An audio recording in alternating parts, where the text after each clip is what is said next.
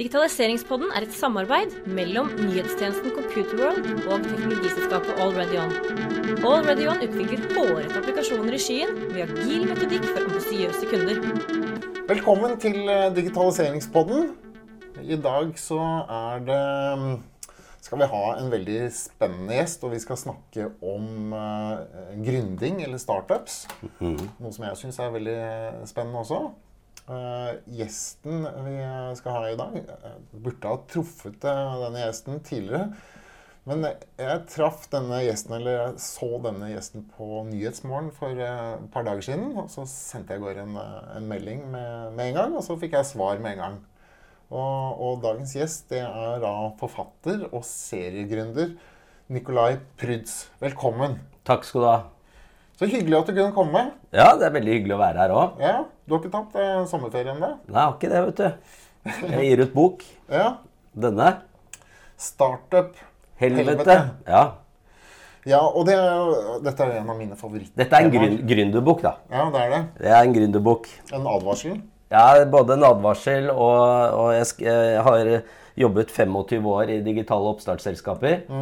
Eh, så tenkte jeg at eh, Så ser jeg at samfunnet glorifiserer gründer, eh, gründerskap eh, ganske heftig. Og eh, jeg mener at det er behov for å skape en økt forståelse for hvordan det er å utvikle en bedrift i usikkerhet, og også realistiske forventninger til det. Sånn at man ikke misleder folk ut i, i gründerskap som, ikke, som tror at det bare er fryd og gammen når man skal følge hjertet. Det er ikke bra. Nei. Du, vi skal, det, det høres veldig spennende ut. Vi, må, vi kommer tilbake til boken snart. Men først må vi bare bli litt grann kjent med deg. Ja. Hvem er Nikolai? Nei, Nikolai han eh, ble født i 1970 Ja. i Oslo. Eh, har, eh, gikk barneskole og ungdomsskole her også, videregående på Handelsgym. Eh, befalsskolen og studerte i St. Andrews i Skottland. Ble siviløkonom. Ja. Og eh, havnet rett inn i det digitale da, som eh, par og 20 år, og, og har jobbet i det digitale siden. Høres ambisiøst ut, da, med både befalsskole og utenlandsstudio. Ja, men det, Det er ikke- ikke noe hvileskjær. eh. det var ikke noe hvileskjær noe sted. Hva er det du driver med når du ikke driver med digitalisering? Eh, da har jeg to små barn, eh, som nå etter hvert har begynt å bli ganske store. Eh, de er ikke små lenger, by the way. Eh, de er 14 og 16. Ja. Eh, og så, og så, så vi har en, eh, kone som jeg prøver å bruke tid på, men eh, det går fryktelig mye tid til digitaliseringsarbeid. Det gjør det. Sånn er det vel å være gründer. Sånn er det å være gründer. Fortell litt om, eh, du, om det du har gründet, da. Ja, eh, det er jo en del kjente navn eh, på merittlisten. Ja, jeg startet eh, egentlig ikke som gründer. Jeg ble først gründer som 29 år. Men eh, jeg var med i oppstartsvirksomheter, kan du si, fra jeg var 17. Jeg ble engasjert i et lite politisk parti som da hadde bare 2-3% som 15-åring. Eh, fikk lov å være med og utvikle partiprogrammer og prøve å få medlemmer og alt det du gjør i en organisasjon for å bygge en organisasjon. Eh, og det var da et oppstartsparti den gangen, og fikk oppleve hvordan det var å få noe til å vokse. Eh, som ga meg mye. Fikk lært, lærte mye om hvordan samfunnet fungerte, og fikk kjeft av de som var mye eldre enn meg. og sånn. Lærte å tåle litt. Hvilket parti var det? Det var Fremskrittspartiet den gangen. Ja. Ja, Vil du kalle det oppstartsparti? Ja, I eh, 1985, når jeg ble med, så var det et oppstartsparti. Men Da- før det så var det jo Anders Langes parti. Ja, ja, men det var vel 60-tallet? var det Jo, ikke? men, men når du har 2-3% så har, det betyr at da har du 97% cirka, som er potensialet ditt. Og da blir du automatisk et oppstartsparti. Og da gjelder det ganske mange partier. Ja, hva? Da gjelder vel det mange, mange partier? Ja, etter hvert gjør det det, så det er en veldig smart måte å Uansett hvor du engasjerer deg, så tror jeg det kan være veldig bra å engasjere seg i et eller annet som gir deg den type erfaring. Um, Men hvem var, du, hvem var det du traff av politikere den gangen? Jo, altså det, jeg leste i en avis hvor jeg så at eh, Carl I. Hagen skulle, og, og Pål Atle Skjervengen, som da var nestleder i Fremskrittspartiet, skulle holde tale på et medlemsmøte. Så jeg dukket opp der, og så var jeg vel den eneste som dukket, dukket opp. okay. og, så vi gikk og spiste pizza istedenfor. Og da var jeg sugd inn i det. Så ble jeg sånn med stresskoffert og var på Stortinget og rådhuset og i partikontorene. Og levde der mer eller mindre i tre-fire år. Eh, lærte utrolig mye. Veldig, veldig bra. Så senere så har jeg engasjert meg sånn som i ANSA da jeg var student. Så eh, jobbet jeg der med Ble president for ANSA i Storbritannia. Eh, det var samme året som vi hadde EU-avstemning. ANSA er den norsk... Det, er- det er det som heter Association of Norwegian Students Abroad. Alle stu, utenlandsstudentene. Og det er jo fryktelig mange. Det er mange, mange tusen. Så, så eh, tenkte jeg, fikk jeg en syk idé der, og det var jo å øh, flytte den norske EU-debatten til EU, til Newcastle. Eh, bare noen lørdager før selve EU-avstemningen i Norge. Og, og når du er en ung student og får en sånn idé som ikke du helt greier å legge fra deg, og du, øh, alle sier jo at det er helt umulig, det får du ikke til. Og så opplevde jeg å få det til. Altså, Vi leide et fly.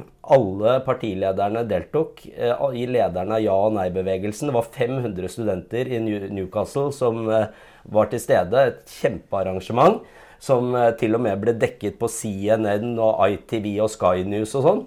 Så eh, og Da var sensasjonen da at en ung student hadde greid å få flytte en hel EU-debatt eh, over til EU.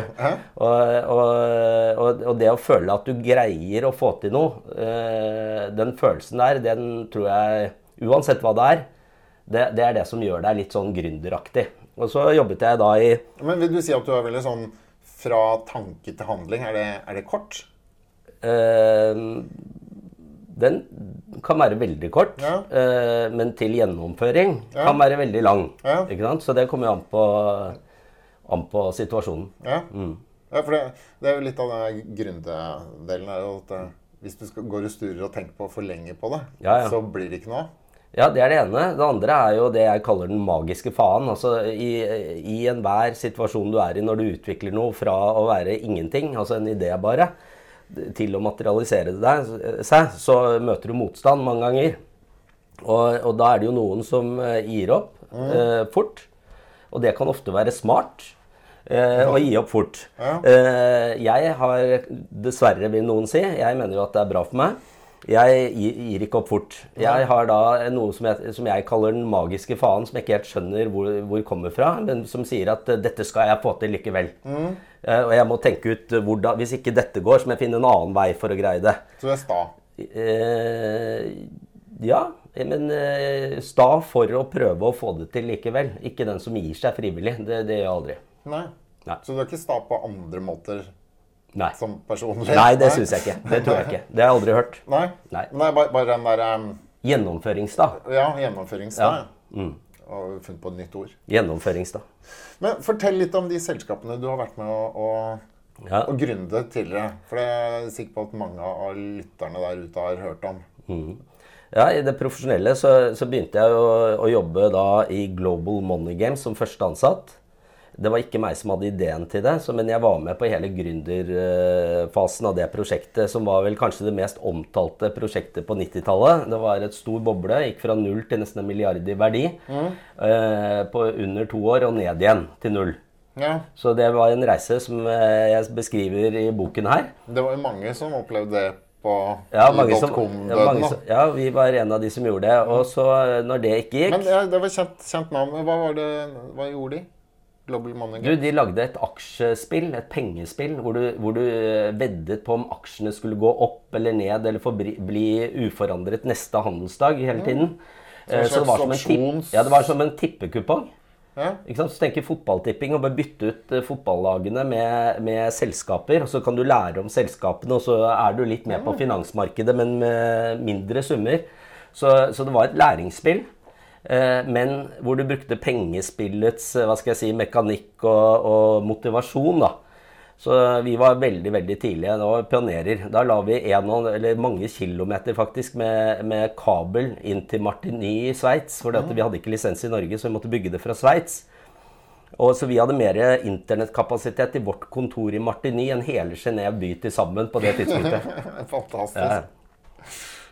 Og så, etter det Ja, så, så var jeg med på Online Club, som var Norges første nettbutikk. Ikke som gründer, men, som, eh, men jeg jobbet med forretningsutvikling der. ja.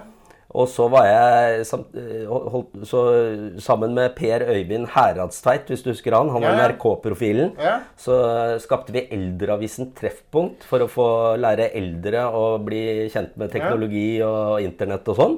Hadde internettkurs med over 1000 eldre. De kom til og med rullende inn med sånne rullestoler og ja, alt mulig. Det var imponerende. Eh, og så eh, startet jeg da Korshopper i 1999, og det var min første startup. Og det ble raskt Norges første, eller største nettbutikk. Eh, vi var størst blant hjemmebrukere i 2001, men eh, e-handel brukte ytterligere ti år før det virkelig, virkelig tok av. Ja. Så vi var altfor tidlig ute. Jeg var på leverandørsiden på den tiden. så eh, Ja. omtrent, ja, Kanskje et par år tidligere så startet, uh, var jeg med på Ok, som starter, men uh, leverte uh, den Matnett. Ja, Husker du Matnett? ja Matnett husker jeg. Med han Henning Holstad. Ja. For han hadde Tiny, som var sånn uh, bil... eh, Ja, ja. ja, transport. Og Det er der jeg har deg fra. Jeg har møtt deg før, nemlig. Du har det? Ja, det, jeg har møtt deg før. Ja. Men det er med han, det. Det, er, det husker jeg, tror jeg. Ja. Ja, Jobbet du for ham, eller? Nei, men uh, Ja, han var i han var i FrP også. Tidligere. Ja. Nei, for han hadde jo mange initiativer. Så det var Ja, den, og så hadde han noe som het Ut i Oslo. Ja. Der, um, der vi hadde alle utestedene i Oslo. Det var også vi som okay. uh, utviklet. Ja. Og så skulle det finansieres med alkoholreklame. og så måtte vi bare si at serveren sto i, uh, i Spania. ja. Den sto i Drammen, da. Men eh, Ok. dette er over 20 år siden, så Ja. det er vel ikke noe man kan bli tatt på nå. Nei. Nei. Det er foreldet. foreldet. Ja. Så vi hadde også sånn at vi ble truet omtrent med, med å bli arrestert. Justisdepartementet de mente jo at Global Money Games var ulovlig. da.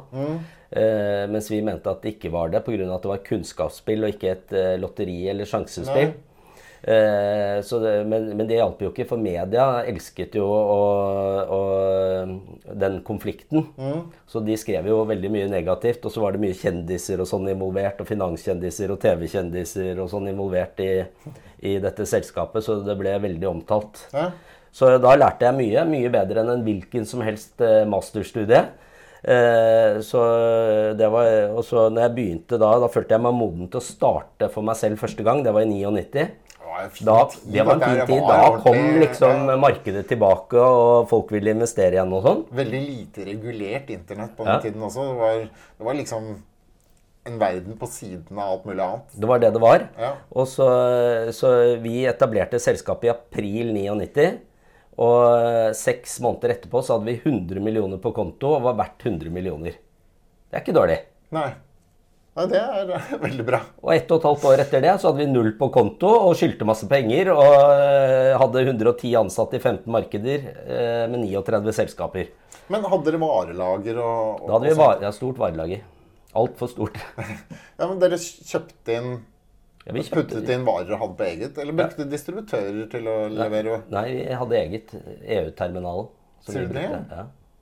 Men ja, Og det er jo kapitalkrevende, det også. Ja, absolutt. Men, men uh, dette var så tidlig, og leverandørene var jo ikke digitalisert de heller på den tiden. Sånn at uh, vi måtte gjøre mye av den jobben som man slipper å gjøre i dag, da. Ja.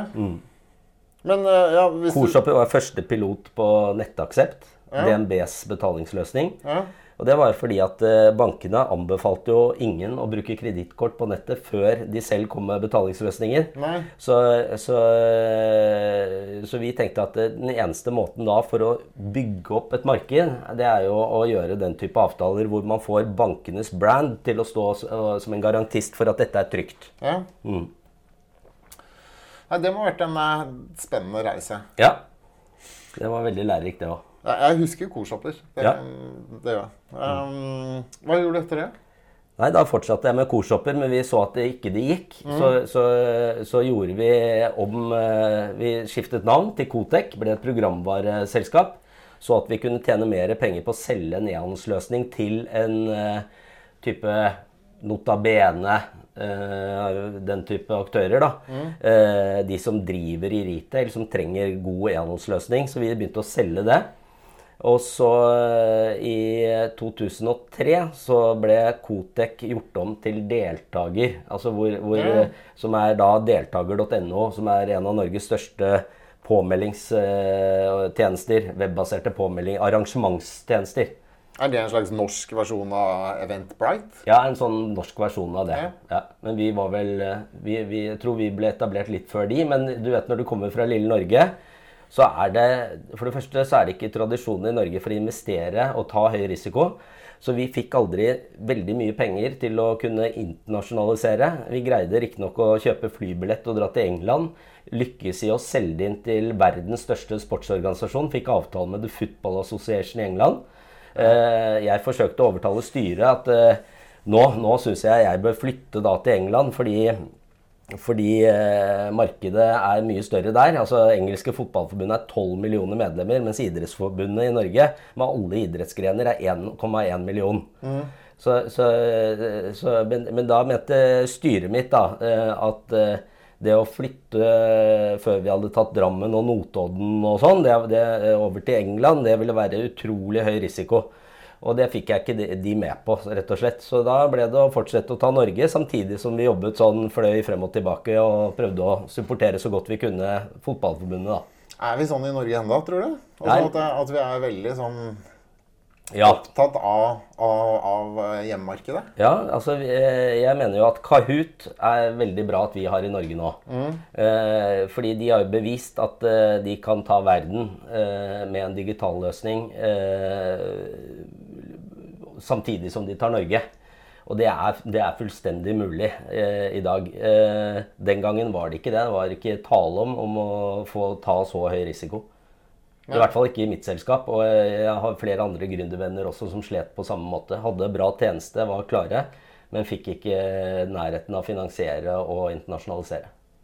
Og fremdeles i dag hører jeg jo det at eh, kapital for å finansiere vekst i Norge, den er eh, veldig begrenset.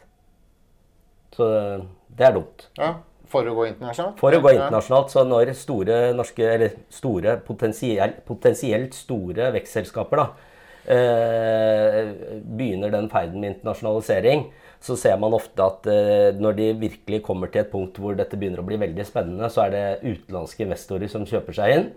Og så selger eh, norske gründere og investorer seg gradvis ut. Og så er det de internasjonale investorene som sitter og tar den langsiktige verdiskapningen av den risikoen de har tatt i Norge. Ja. Og det er en uh, uheldig utvikling. Ja. Men jeg tror det, det, det er, altså For oss som driver business i Norge også, Mm. så er det jo litt sånn Vi tenker ja, skal vi gå ut hvis jeg går til Sverige? Så tenker jeg ja, men der Um De har ikke den samme kjøpekraften som vi har i Norge. Mm. Så, så det er like trygt å bli i, i, i Norge. Jeg tror det er mange som tenker sånn. I hvert fall tenker jeg sånn innimellom at det er lettere å, å, å betjene et hjemmemarked enn å måtte gå ut i et, eh, og møte på en måte andre kjøpskulturer, andre lavere kjøpskraft. Ja.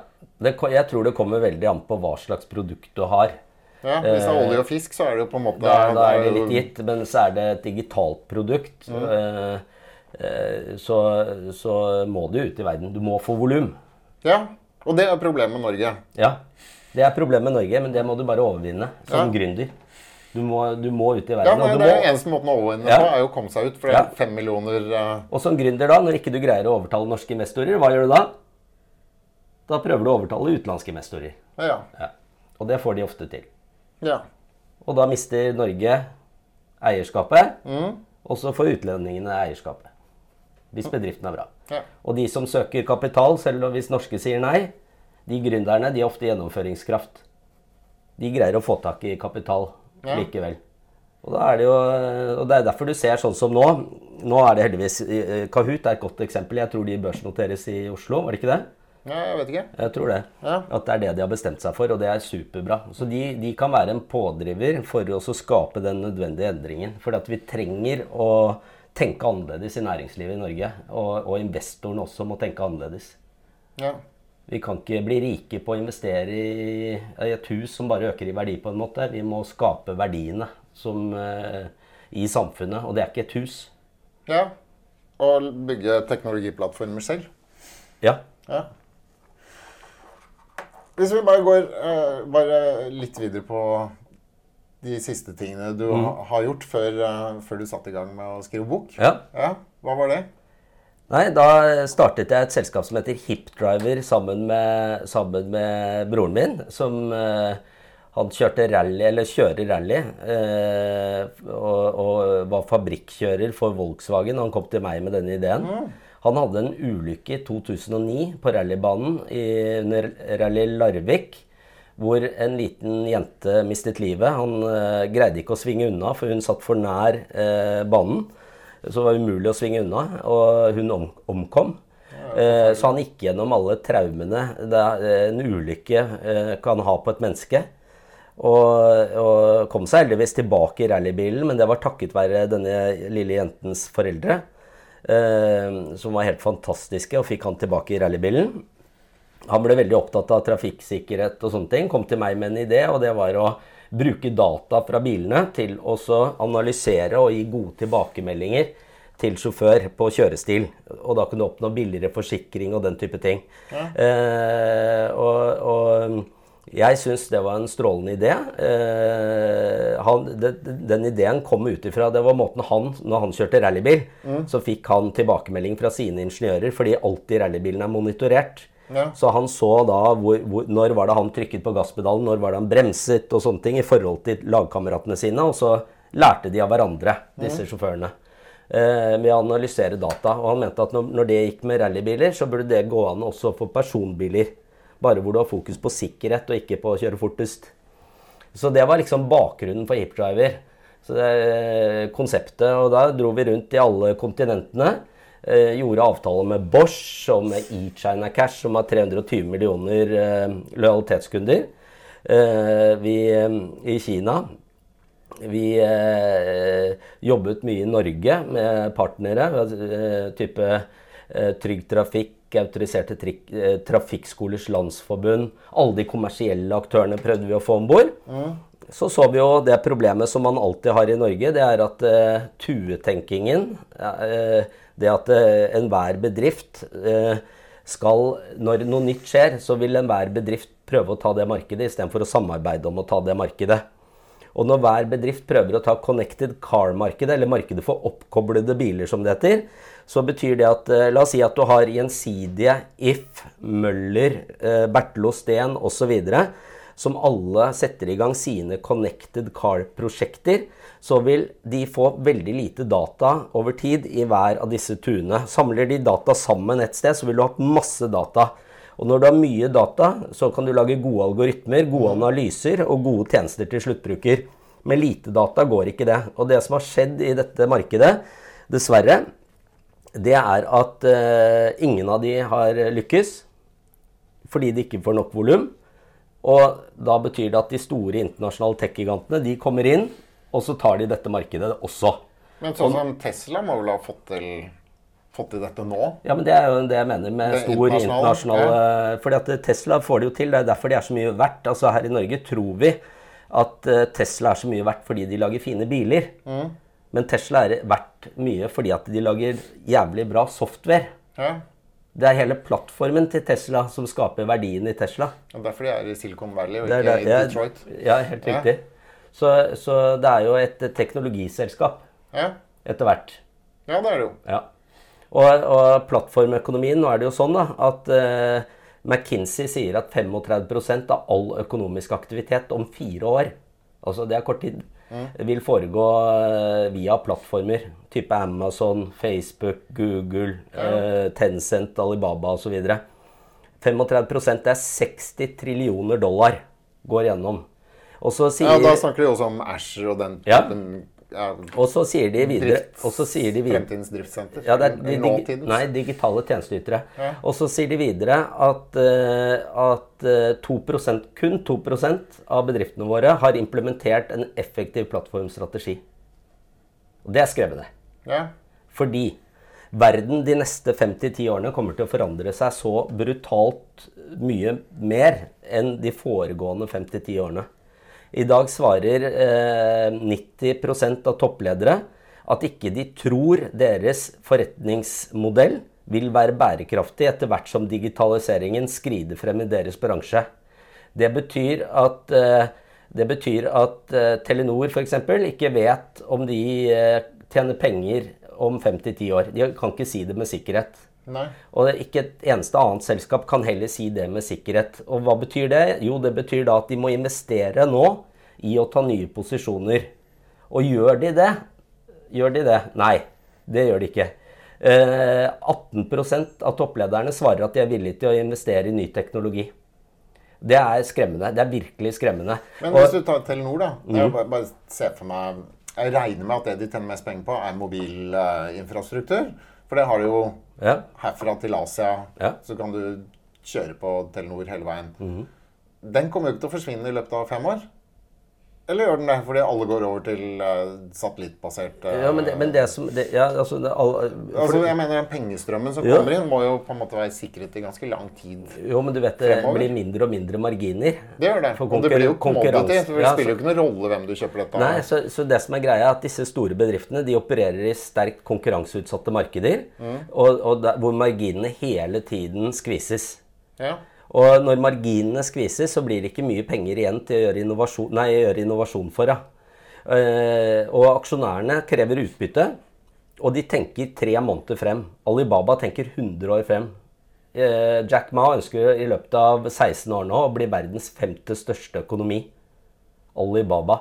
Og, så, og, og Telenor og Sigve Brekke de tenker eh, hvert kvartal. Det er liksom eh, horisonten.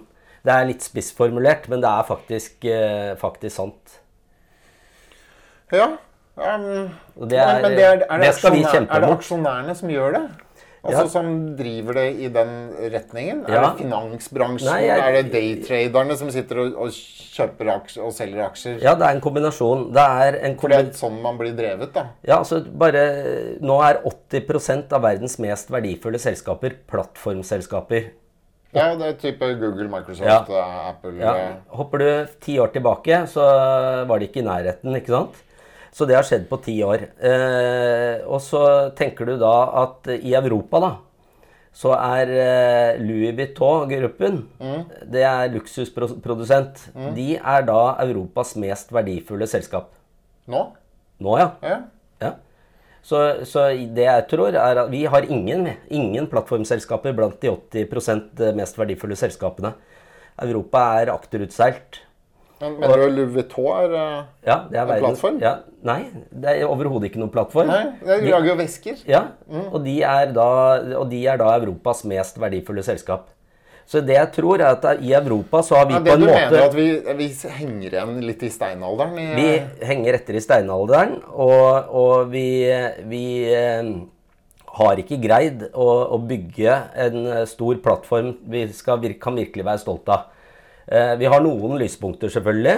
Men vi er jo Altså, hvis du sammenligner USA og Europa, så er jo det er så mange kulturer, så mange land, så mange forskjellige språk. Det er vanskelig å få til noe, noe samordnet. Vi Ja. har fått til EU, men eh, Ja. derfra og videre det, Jo, men, det, men du, kan, du kan si at det er det man må hvis man skal kunne lykkes. Så Ja. må man få til noe, tror jeg, i fellesskap og, og skape lokale allianser. Men hva skjedde med HipDriver? Jo, det som skjedde der, var at eh, vi tok eh, initiativ til noe som heter Connected Car Norway, hvor eh, vi ønsket å samle alle dataene i én industriell database. Alle dataene som bilene genererte. Og da fikk du masse, masse data. Kunne gjøre gode analyser, gi gode tjenester til sluttbruker. Og, og, og, og alle aktørene ville tjene på det, fordi du fikk en vellykket da, eh, eh, samar samarbeid mellom aktørene. eh, og, og kunne da ta det markedet i Norge. Norge har fire årstider, vi er gode på teknologisk adopsjon, alle sånne ting. Så det er masse som ligger til rette for at Norge skal kunne greie å lage veldig, veldig bra digitale tjenester. Eh, hoved, det vi var redde for, var at vi fikk sånne datatuer hvor eh, alle hadde sine egne prosjekter, og da ville man ikke få de volumene. Du ville få dårlige tjenester, og det ville, ville ikke gå. Og det er det vi har endt med i dag. Så vi tok initiativ eh, til Connected Car Norway som en industrielt initiativ. På samme som man gjorde med, med bankenes betalingssentral i sin tid. Hvor Norge fikk verdens mest effektive banksystem fordi bankene samarbeidet om en infrastruktur i bånn. Ja, ja, De Det samme- skapte et selskap Ja, det som de eide sammen. Og, Ja, og det samme tenkte vi at vi skulle gjøre her. Litt og av sånn de har gjort med Vips også nå. Helt korrekt. Ja. De har vært flinke. Og, og, og de har forstått det. Og, og, det, og, det, er akkurat det som er kjernen, er at man må unngå den tuetenkingen. Det som skjedde med oss, det var at på, under Connected Car Norway, der satt også Vi hadde en stor konferanse da, hvor vi tok initiativ til dette. Der var også Telenor invitert. Deres eh, da, daværende, eller eh, nåværende eh, sjef for det som heter Internet of Things. Mm. Vi eh, ble invitert da til dialog om investering og operasjonelt samarbeid hadde en fire måneders dialog hvor de fikk alle våre planer. Eh, vi skrev en konfidensialitetsavtale. Eh, og endte ikke investering, men at de trengte litt mer tid. Og vi jobbet videre med komplementære partnere. Eh, så går det syv måneder. Jeg merket at en del av de partnerne ble kalde etter hvert. Jeg skjønte ikke hvorfor det var så vanskelig. Ja. Og så ble jeg innkalt til noe som heter Nordic Car Connect. Og lurte på hva det var, selvfølgelig. Og det var Telenor som da lanserte en kopi av det vi eh, gjorde da eh, under Connected Car Norway. Så de tok da et industrielt initiativ som var likt det vi tok. Eh, opplevde det som eh, en blåkopi. Mm. Eh, det ødela jo alt for oss. Våre partnere som vi, vi diskuterte med, de visste at vi var i dialog med de sto da på scenen med Telenor. Og da, da forsto jeg jo hvorfor disse prosessene hadde blitt kalde. Så vi ble ødelagt den dagen de lanserte. Og oppstartsselskaper er veldig sårbare. Eh, og når, når, et stort multinasjonalt selskap lanserer noe som er helt likt, og som, eh, og som, eh, sitter på alle dine planer Når du er et lite oppstartsselskap Vi hadde jobbet i tre og et halvt år når vi begynte dialogen med de. Eh, så blir man lett slått over ende. For investorene i et lite oppstartsselskap ønsker ikke å konkurrere med en stor, stor gigant som har, sitt, har masse, masse, masse penger. Så dere følte dere litt lurt av dem, da? Ja, så det endte med at eh, vi først prøvde å få til en fornuftig løsning. For vi mente det var åpenbart at de hadde både brutt reglene om god forretningsskikk, eh, og eh, vi mente at eh, vi burde kunne være i stand til å eh, sannsynliggjøre at de også hadde misbrukt eller utnyttet konfidensiell informasjon. Så, så, det var en veldig trist sak for oss. Vi ble ødelagt. Og på en måte kan du si at den opplevelsen der fikk meg til å skrive boken 'Startup-helvete'. Ja. Denne boken hadde ikke blitt til hvis ikke det var for den opplevelsen. Uh, og, og, det er fordi at jeg mener at forståelsen i samfunnet for gründerskap er ikke høy nok.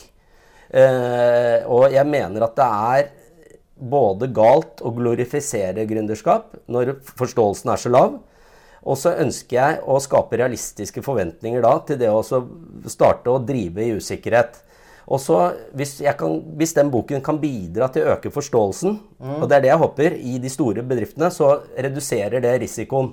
Da hadde det vært litt mer raushet i Telenor, litt mer høyere forståelse for gründerskap der så ville vi ha kunnet finne, funnet en fin løsning til å jobbe sammen, fremfor at de ødela oss. Ja. ja. Så da reduseres risikoen, og det er målet. Ja.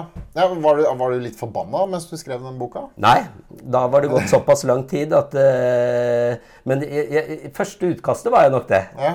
Og så, har jeg gått utenfor og sett meg selv. Så den boken der ser jeg jo både med kritisk blikk, skråblikk på meg selv. Mm. Og alt som skjer i du, du, ser i boken at, hva som skjer når man er forbanna og fortvilet, og når du befinner deg i det jeg kaller startup-helvete. da. Mm. Eh, når ting ikke går på skinner, og du blir på en måte eh, du, hvor, hvor, den friheten du drømte om å skape når du startet bedriften, hvor, hvor, det har blitt et mentalt fengsel som bare drar deg ned og dypere, og det blir trangere, og du våkner om natta, og du får ikke sove. Alt dette som skjer når du er i problemer. Mm.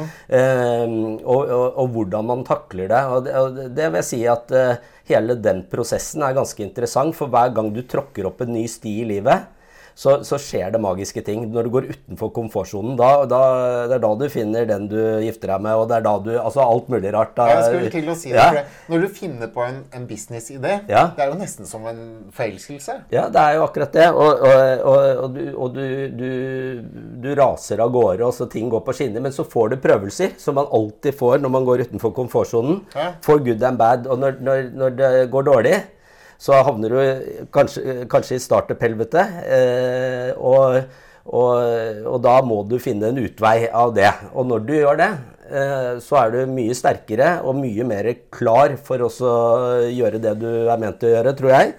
Eh, sånn at de mest negative erfaringene dine de kan vise seg å bli de mest verdifulle over tid. da. Ja. Så da gjelder det å ikke la seg knekke når det blåser og stormer som verst.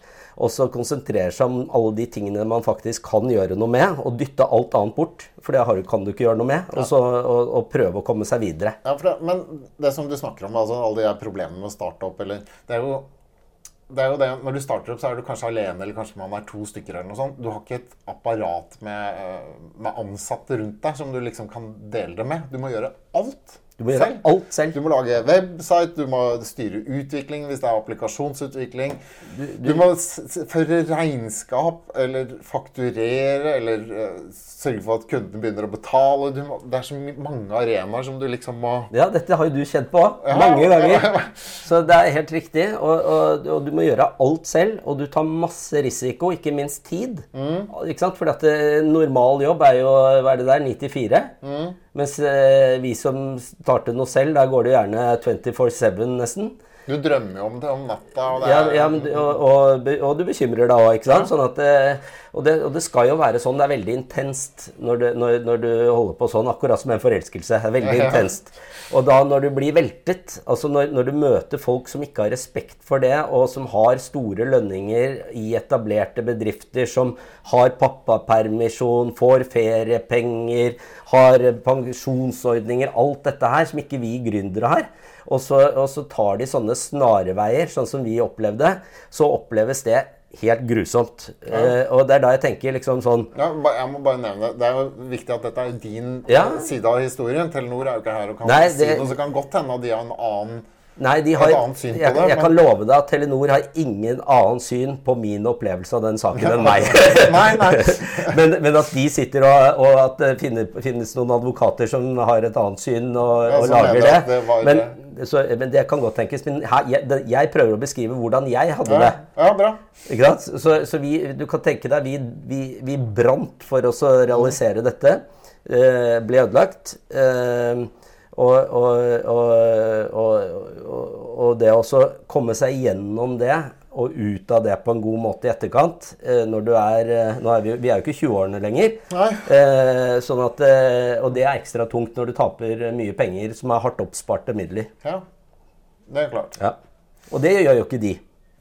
Nei, for det, der er det ikke bare enkeltpersoner som sitter på Så, så det de kan si, er at det, har altså, jo, Jeg er enig når man har en dom da, som sier at eh, de, man har operert på grensen av det illojale, og at terskelen for illojalitet Jeg kaller det råttenskap. illojalitet, Ja. altså Det er jo grad av råttenskap, da. Ja. Kjiphet. Ja, ja. Uh, og hvis, den, hvis du er på grensen av det ulovlige på kjiphet Mm. mot et lite selskap ja, jeg skjønner. ja men, ja, men uansett, da. Ja. Er, bør du ikke si unnskyld, da? jo, men Ja, det det- folke, folkeskikk, det. det. Men det har de aldri gjort. Nei. Og da har vi et Men det får ikke et selskap til å gjøre heller, da. Så Ja, hvem, hvem sier at man ikke får det? Nå har vi hatt covid, hvor man uh, har gjort alt man ikke vanligvis gjorde. Hvorfor kan man ikke si unnskyld i et stort selskap? Hvem er det som sier det? At man ikke kan det? jeg vet ikke, det er vel fordi de er redd for å forplikte seg til noe senere. Ja, men De burde jaggu meg ha folkeskikk nok til å si unnskyld. Ja. Når man opererer på grensen av det ulovlige mot et lite selskap, bare å si unnskyld. Det har jeg aldri hørt, det. Nei, Nei. det tror jeg er ja, det tror jeg. Men, men, men, men der må vi, hvis vi skal greie å skape bærekraft i et næringsliv i fremtiden, da må man dit. Da må man eh, ha, etablere tillitsbaserte samarbeidsformer. Og da, da må du ha en høy grad av tillit. Men mener du at Til- regelverket burde vært endret? Eller Nei, men mener altså, du at vi burde altså- endre den, Nei, men altså, det- den kulturen da, som Ja, eh, jeg kan fortelle. Altså, jeg, Tror du det er sånn i USA? Nei, men jeg kan si veldig enkelt. Altså, Ja. Telenor er jo Norges største digitalselskap. Jeg ønsker å være superstolt av Telenor. Mm. Kjempestolt av Telenor ønsker jeg å være. Jeg har masse venner som jobber der. Ja. Jeg vil jo at det selskapet skal lykkes. Men jeg ser at de kommer ikke til å lykkes hvis man tenker tre måneder frem, og du, du ikke investerer i å ta nye posisjoner sammen med andre, som, og at du evner å bygge den delingskulturen eller den forretningspraksisen som kreves ved å skape gode samhandlingsalternativer i fremtiden. Og det er det som bekymrer meg veldig, at, eh, at det mangler i Norges fremste det jeg kaller IT-bedrift, egentlig. Teknologibedrift, for det er det de er i dag. Og det, og det fins ikke der. Og, og det syns jeg er veldig trist. Og staten eier jo 62 altså oss skattebetalere. 62 eier vi av Telenor. Mm. Så, så, så, vi bør kunne Jeg håper i hvert fall at denne boken kan bidra til mer raushet også der. Og forståelse for eh, viktigheten av gründerskap.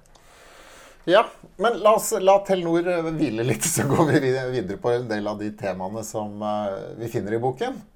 For det, du, du, har snakket om det glorifiseringen av gründere. Ja. Hva legger du i det? Altså, jeg som gründer syns det er fint at det blir glorifisert, eller at det er noe fint med å være gründer. Ja, det jeg mener med det, er at jeg har jo vært gründer i 25 år, og jeg syns også det er veldig hyggelig at folk syns det er bra at jeg er gründer, f.eks. Sånn. Det, synes, det er jeg helt enig med deg i. Så det, det, handler ikke om det. Det det handler om, er at uh, For det går på litt anerkjennelse, og ja, handler, da føler man seg stolt altså, av det man driver med? Ja, fem, altså Det er 500 000 nordmenn som går med en gründer i maven. Mm. Det er veldig bra. Ja. Men, men, men, jeg tror ikke de helt vet hvordan det er, kjennes og føles å være gründer. Og når, når, eh, ledende politikere og ledende toppledere i bedrifter nå går ut og virkelig oppfordrer til gründerskap Ingen av de har vært gründere selv, og ikke har de tenkt til å bli det heller. Eh, og, og, og, og later som det er en dans på roser så, så, mener jeg at det er, med den lille forståelsen for hva gründerskap virkelig dreier seg om i samfunnet, så mener jeg at før man glorifiserer dette for mye, så er det grunn til å heve en advarende pekefinger og si planlegg veldig godt. Vit hva du setter i gang når du gyver løs på å følge drømmen din. Mm. Eh, og, og, og, les denne boken her, ja. eh, som kan lære deg masse. Ja. Startup-helvete. Ja. ja. men det er uh, hovedgrunnen til det. Men Hva slags mennesker er det som kan være gründere, tror du? Eh, jeg tror alle mennesker kan være gründere, akkurat som jeg tror at alle mennesker kan være kreative. Ja. Uh, jeg er litt skeptisk at alle kan være gründere. For du må ha en du må ha en egen drivkraft. da. Ja, men hva betyr, altså, Definisjonen på en gründer er jo å starte et selskap. Ja. Enig? Da er du jo gründer. Du har startet et selskap, altså du har fått et organisasjonsnummer. Så i realiteten er du en gründer. Ja, det kan jo Også, være bare registrere et selskap i, ja. i Brønnøysund. Ja, men la oss si at du har en god idé. da. Du har sett et behov, og du, har, du er egentlig ingen gründertype eller en frontperson, eller noe sånt noe, men du har en god idé. Mm. Og da kan jo du starte selskapet, og så kan du invitere med inn da, de kvalitetene som ikke du besitter, selv om ikke du er veldig gründeraktig. Mm. Men finn en gjennomfører, finn en sånn Altså sett sammen gruppen mennesker, kanskje, ja. i starten, som kan være med å løfte det.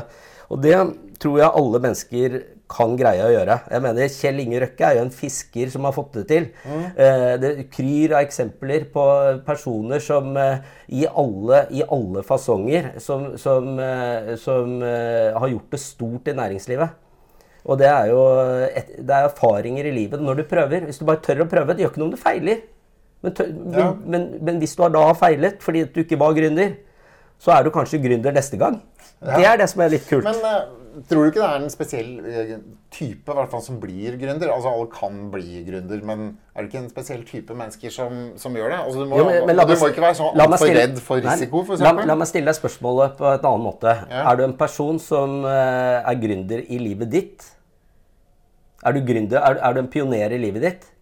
Ja, hva legger du i det? At du styrer livet ditt. At ikke du eh, tar hensyn til alle forventningene, bedømmelsene, eh, sammenligningene og alt det som foregår oppi hodene til folk og sånn, men at du følger deg selv ja, i det du driver og gjør. Jeg tror det er i hvert fall veldig høyt aktivitetsnivå. Jeg tror, også du gjør det. Men ja, jeg tror du gjør det. Men ja. Kanskje du gjør det litt ubevisst, jeg vet ikke, eller om du gjør, men du gjør det. Ja. Og, og, og, jeg tenker at veldig mange mennesker som ikke kanskje liksom definerer seg eller Jeg er ikke noen gründer eller noe. Det, jeg tror jo, jo mindre du går på automatikk og repetisjon i livet ditt, jo mer eh, åpner det seg sjanser for å bli en gründer. Eh, altså fordi at du blir en gründer i eget liv. Du, du ser at jeg kan forme livet mitt. Mm. Jeg kan forme livet mitt med målene mine, med tankene mine, med hvordan jeg har det rundt meg med personer jeg omgås. Mm. Og, og, og, det kan du også gjøre. Da, og da, kan, da, da er skrittet, mener jeg, kort til å eh, realisere noe også. Ja. Jeg tror det. Ja. Jeg har troen på mennesker. Ja. Ja, Men du tror det er noen type mennesker som har større sjanse eh, for å bli gründer? Det er det helt klart. ja. Men, men poenget er at man skal ikke skremme mennesker som, eh, som, eh, drømmer, eller som har en liten eh, gründerdrøm.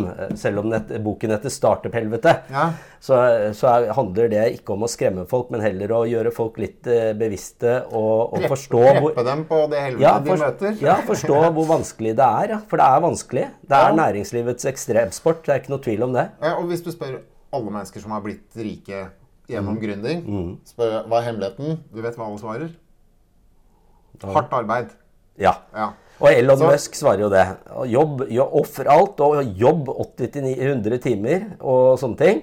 Ja. Hvordan får han tid til, til Ja, alt? nei, han er jo får- dypt inne i teknologien og driver et selskap samtidig. Ja, men han får ikke tid til alt. Han sa jo at han nesten ikke ser ungene sine. Og øh, hans siste barn heter XØ12 eller noe. Og, og sånne ting.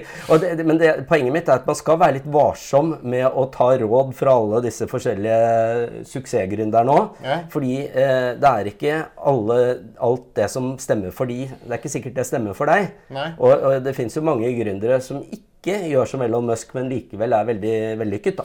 Ja, ja men, er- han er jo veldig sånn Du, du finner vel det samme med, med Steve Jobs.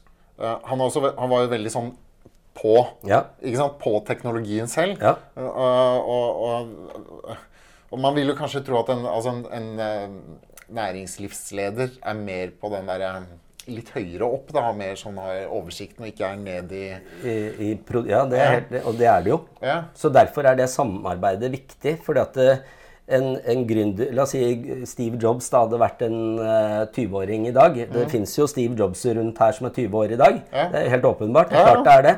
Spørsmålet er jo om, om forutsetningene rundt er der til også å kunne gjøre det store. ikke sant? Og, og det er der jeg tenker at eh, de store selskapene og, og økosystemet rundt sånne miljøer må, må ha mer forståelse og kunne være med å hjelpe å finne sånne Steve Jobs-personer, som garantert fins. Ja. Ja, det Det- gjør det jo. Altså, for det, det er jo bare mer og mer smarte mennesker. Og hvis Ja. vi bare ser på våre egne barn, så er jo de smartere enn Mye oss. smartere enn oss. Ja, Og de har mye høyere kunnskapsnivå enn det helt- vi hadde på den tiden. Så, Ja, er så den der informasjons- og internett har jo trukket opp den der Jeg er superimponert over de. Ja. Vi satt jo med ufag, O-fagsboka på Ja, ja, ja, ja og, og, og, og Det var det vi visste. ja. Men eh, dette her med eh, siden, siden vi snakker om utfordringene da i, eh, i gründing, den derre usikkerheten Kan ikke du fortelle litt om den Åssen føles, hvordan føles det å være us, usikker når du eh, starter et selskap? Ja, når du la oss si- Hvilke usikkerhet ja. er det vi snakker om? Jo, la oss si at du har en god idé, Mm. og øh, som du tenker at øh, det der er det et marked for. Jeg, nå har jeg funnet Det er et marked for, jeg kan gjøre det et eller annet bedre. Ikke sant? Ja. Også, men det krever kanskje et års utvikling av noen teknikere eller et eller annet sånt noe. Mm. Eh, og den perioden da, det året du driver med utvikling, så skal du finansiere noen. Kanskje du gjør det med noen oppsparte midler, kanskje du får noen familie og venner involvert og sånne ting. Og i et sånt utviklingsløp, så hva skjer da? Det har du opplevd mange ganger. Ja, nei, Går det blir- blir- akkurat etter planen? Det blir dyrere. Det blir, det blir dyrere og tar litt lengre tid og alt Det blir dette her. som å bygge hus. Ja, og, og, og, og som gründer så har du ofte i hvert fall, ikke sant, Du har sikkert masse gründere uten empati og sånn også, som du har ikke sant, som ellers i samfunnet. Men, men i hvert fall min erfaring, da, jeg, jeg, den derre gnagingen på, og bekymringen for at de du involverer, de skal tape. Du vil jo ikke det. Og, og, og, og at prosjektet ikke skal gå som forventet, eller alt dette her. Så du jobber da i en periode som er preget av total usikkerhet, og hvor ikke du er sikker på om pengene holder. Og, og, og så vet du at når produktet er klart, så tjener du ikke penger da heller, men da skal, kan du kanskje hente litt mer penger til kommersialisering. Og heldigvis så har man jo litt, litt hjelp fra Innovasjon Norge og, og SkatteFUNN og Forskningsråd og sånn. Er flink til å finne søknader og penger der. Eh, men, men du befinner deg kontinuerlig inntil du har nådd break even. Når du er gjennom hele dødens dal liksom, og, og, og ut på den andre siden der. Det punktet er, tror jeg er det lykkeligste punktet i en gründers liv. Når, når du dekker de månedlige kostnadene dine og sånne ting. Ja. For da er du liksom igjennom den der eh, verste Ja, det vet jeg alt om. Altså Ja. den der, jeg, husker jeg startet opp et sånn webselskap sammen med en kamerat på 95. Ja. Det er jo en mannsalder siden. Men, vi, men, så, så jeg lærte meg HTML på en kveld, og så fikk vi kun, første kunde eh, dagen etter. Det var Elopak, de som lager Ja, ja, ja. et svært selskap. Ja. Og så fikk vi Eltec noen, noen, eh, noen uker etterpå. Ja. Men da satt vi og lagde uh, Utviklet websider. Altså, det var en Ja. ganske sånn kort vei fra, fra, fra idé til, um, til at vi fikk inn kunder, og Mm. også penger. Men det jeg husker var første, gang, første inntekten vi fikk, det var 11 600. Mm. Da var det sånn konto, kontofon, så vi måtte ringe til banken. Ja. Så jeg husker vi ringte tre ganger om dagen bare for å høre at de 11 000 sto på kontoen. At de hadde kommet inn. Ja. Ja, og sånn er det jo, ikke sant? Når du er, når du er gründer. Jeg husker jo når Rikke Korshopper gikk. det for- eh, og og vi, da overtok jeg og min medgründer det selskapet. Hadde masse gjeld, og vi måtte rydde opp og betale tilbake og sånn. Og skulle vi fortsette å selge software-løsninger. For vi hadde jo eh, kuttet ut all e-handel og skulle selge software, eh, programvareløsninger. da. Men da var, da- var det da- gått konkurs da, og Nei, gjeld og sånn, eller nei, nei, det var, sleit dere med det? vi, vi gikk aldri konkurs, Dere at, men, men alle pengene vi tjente, gikk til å betale gjeld. Ikke, Ja, så det gikk ikke gikk til i null, lønninger liksom. ja, det gikk ikke til lønninger engang Nei. i to år. Og, så vi måtte selge biler og alt vi for å holde det gående. ikke sant? Og så, og så, men det morsomme i en sånn omstilling, det er jo at eh, hva er det egentlig man selger? Og det var det, apropos eh, litt sånn humoristisk, så var det sånn en periode for vår del at eh, når vi kom i et møte, så, så spurte de hva er det dere selger? Ja. Og så eh, så vi på de og sier 'hva er det du trenger'? det er liksom den derre uh, Så vi endte jo med å alt. Ja, vi leverte webbasert balanse, sånn, eh, balansert målstyringssystem til Statoil Fuel and Retail. Vi leverte en sånn golf-videokanal. vi leverte så mye rart, så mye Ja, ja. forskjellig i den perioden for å overleve og for å betale tilbake regninger. Jeg glemmer aldri, etter to år så solgte vi en global e-handelsløsning til norske Veritas. Og fikk masse penger for det. Da var vi gjeldfrie, og så var vi gjennom på en måte eh, det gamle. Og da kunne vi begynne å betale lønninger og sånn. Ja, for det, Når vi snakker om det bekymringen og litt av motstanden som man har, så er jo det Når du starter opp et selskap, så tar du ikke ut mye lønn. Det er ganske lite lønn man tar ut. Ja, det er akkurat det. Du tar jo nesten ikke ut lønn. Antageligvis låner du til og med inn penger istedenfor å ta ut lønn i perioder. Eh, På 90-tallet det så kommer vi an hadde på. jo, var, var Nav tilbød sånn at du kunne få arbeidsledighetstrygd under oppstart. Jeg vet ikke om det finnes Jeg har aldri hørt om det. Jeg har aldri brukt eh, en krone, eller fått en krone fra de noen gang, holdt jeg på å si. Jeg jeg hadde Eh, seks måneder med det i, i 96. Ja, men altså, det er jo greia at som gründer har du ikke noe sikkerhetsnett noe sted. Altså, Se på bare covid-situasjonen nå, eh, hvor, du, hvor, du, hvor de har disse reglene med du tar faste kostnader per eh, 2019 april og sånn. Og så Hva om du startet selskapet ditt i mai 2019? da? Altså, Det er ingen som backer deg opp. Og hvis du er daglig leder og eier, deleier i et selskap, så får du ikke engang, hvis du går konkurs, eh, av lønnsgarantifondet. Så alle, absolutt alle de fordelene og de der man tar for gitt da, i det norske arbeidsliv, og, og som LO og alle disse her er så, taler så varmt om, som gründer har du ingen rettigheter, ikke noe sikkerhetsnett. Og det er derfor jeg mener at det er galskap å glorifisere dette til menigmann eh, før forståelsen for gründerskap er høyere og, og litt mer er tilrettelagt. Ja, men så, så må jeg også belyse litt av det, der, de der, det som er viktig med, eller bra økonomisk med gründing. Ja. Altså, jeg tror kanskje ikke gründere som generelt er så veldig mye rikere enn enn- enn andre. Altså, Vi tar som regel ikke ut noe, noe voldsom lønn. Nei. Tar ut en normal uh, lønn. Men starter egentlig på, på, på liksom minimum bare for å overleve. Ja. For å la pengene bli i selskapet. Og så etter hvert som selskapet går bedre og bedre, så tar man ut Ja. en normallønn. Ja. Men aldri sånn 10 millioner. eh, Nei, fordi du vil jo holde lønnsnivået i bedriften fornuftig, ikke sant? Men så har man jo da muligheten da etter det. så har du jo, altså Når det begynner å gå bra, så kan man jo ta ut litt utbytte. Ja, Og da får du litt lavere, for da får du finansskatt på den. Så det er på en måte, det er en fordel. det er en fordel. Men så får du jo i bakhuet så får du da um, Formuesskatt. formuesskatt. Det, må, det må ikke bli verdt noe. Men så etter det igjen så hender det jo at man selger selskapet. da. Altså Ja. at du har en sånn syklus. Og da drar du ut noen millioner. Ja. Det er på en måte bonusen. Ikke Ja. sant? Som, Ja. som, som, som er det Ja. exit-verdien på, på selskapet. Men det er ikke alle som gjør Nei, det heller. Og det syns jeg også er litt, eh, litt sånn kulturelt rart, at i Norge så er man veldig opptatt av å snakke om exit-strategi. Ja. hele tiden.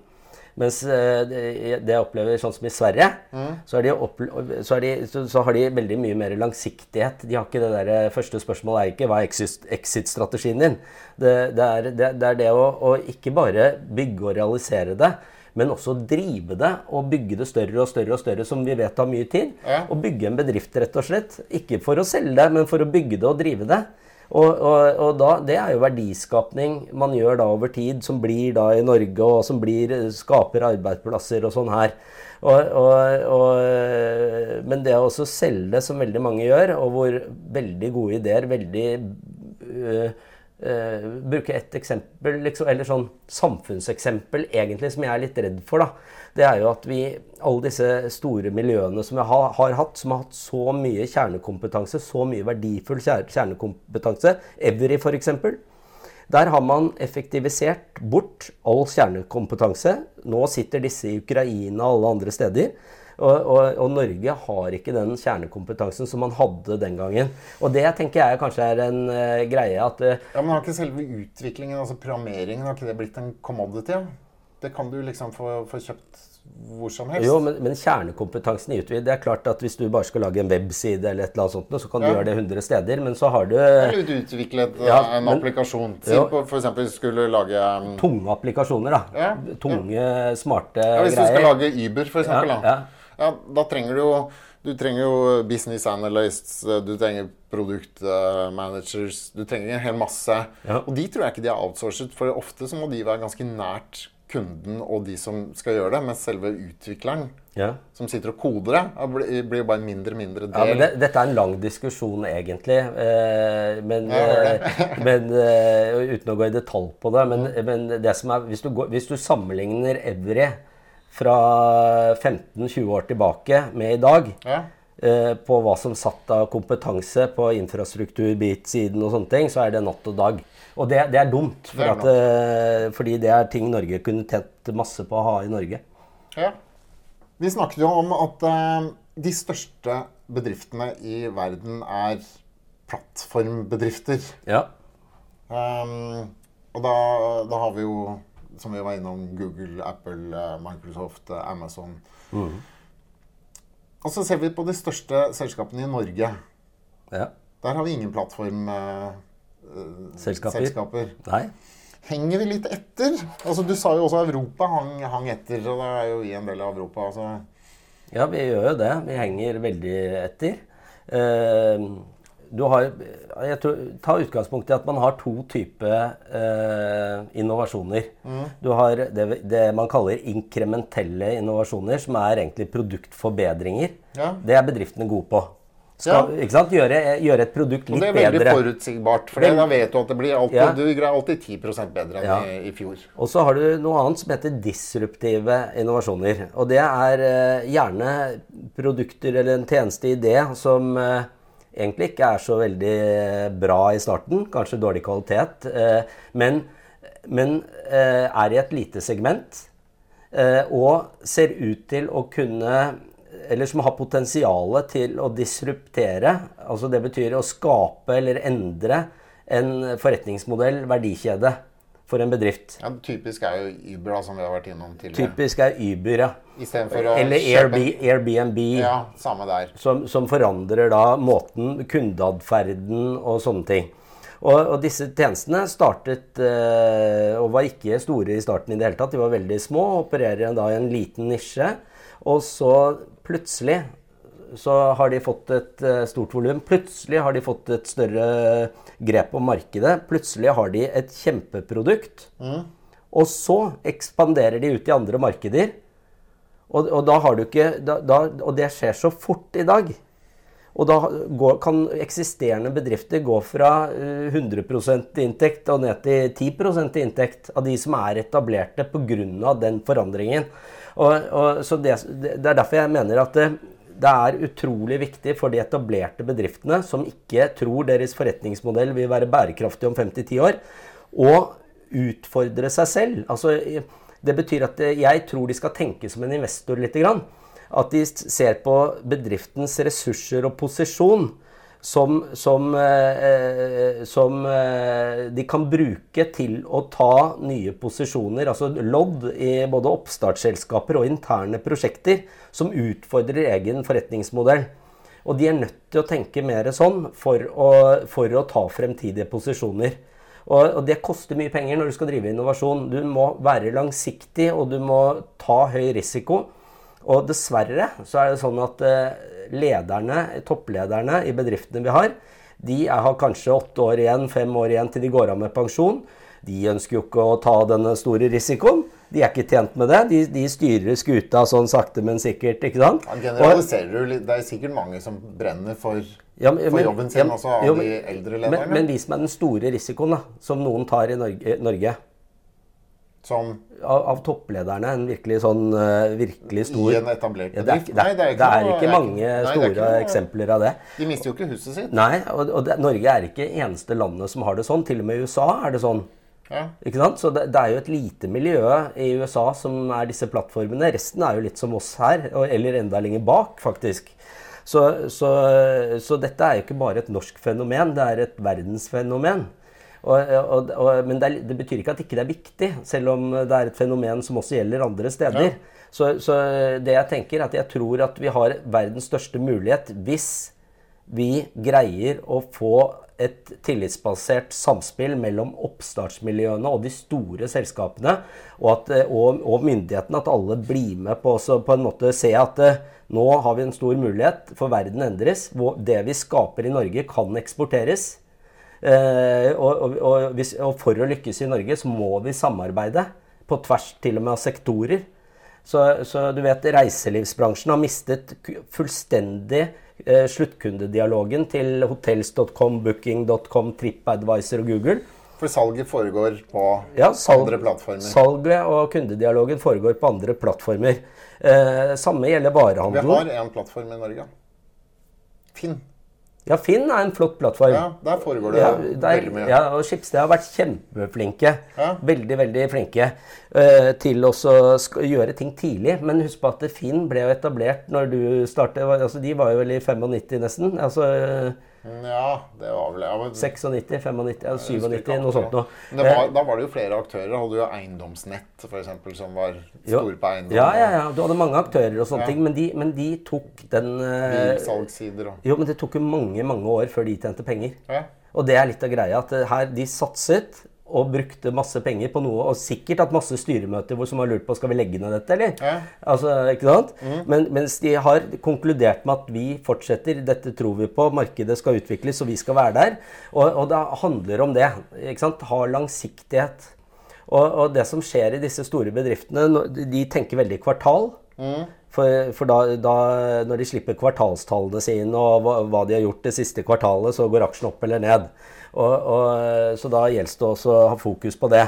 Mens i realiteten så burde de satse på langsiktighet. Burde satse på innovasjon, ikke utbytte, men investere i fremtiden. Men den typen selskaper du snakker om, da, er det vi gjerne kaller vekstselskaper.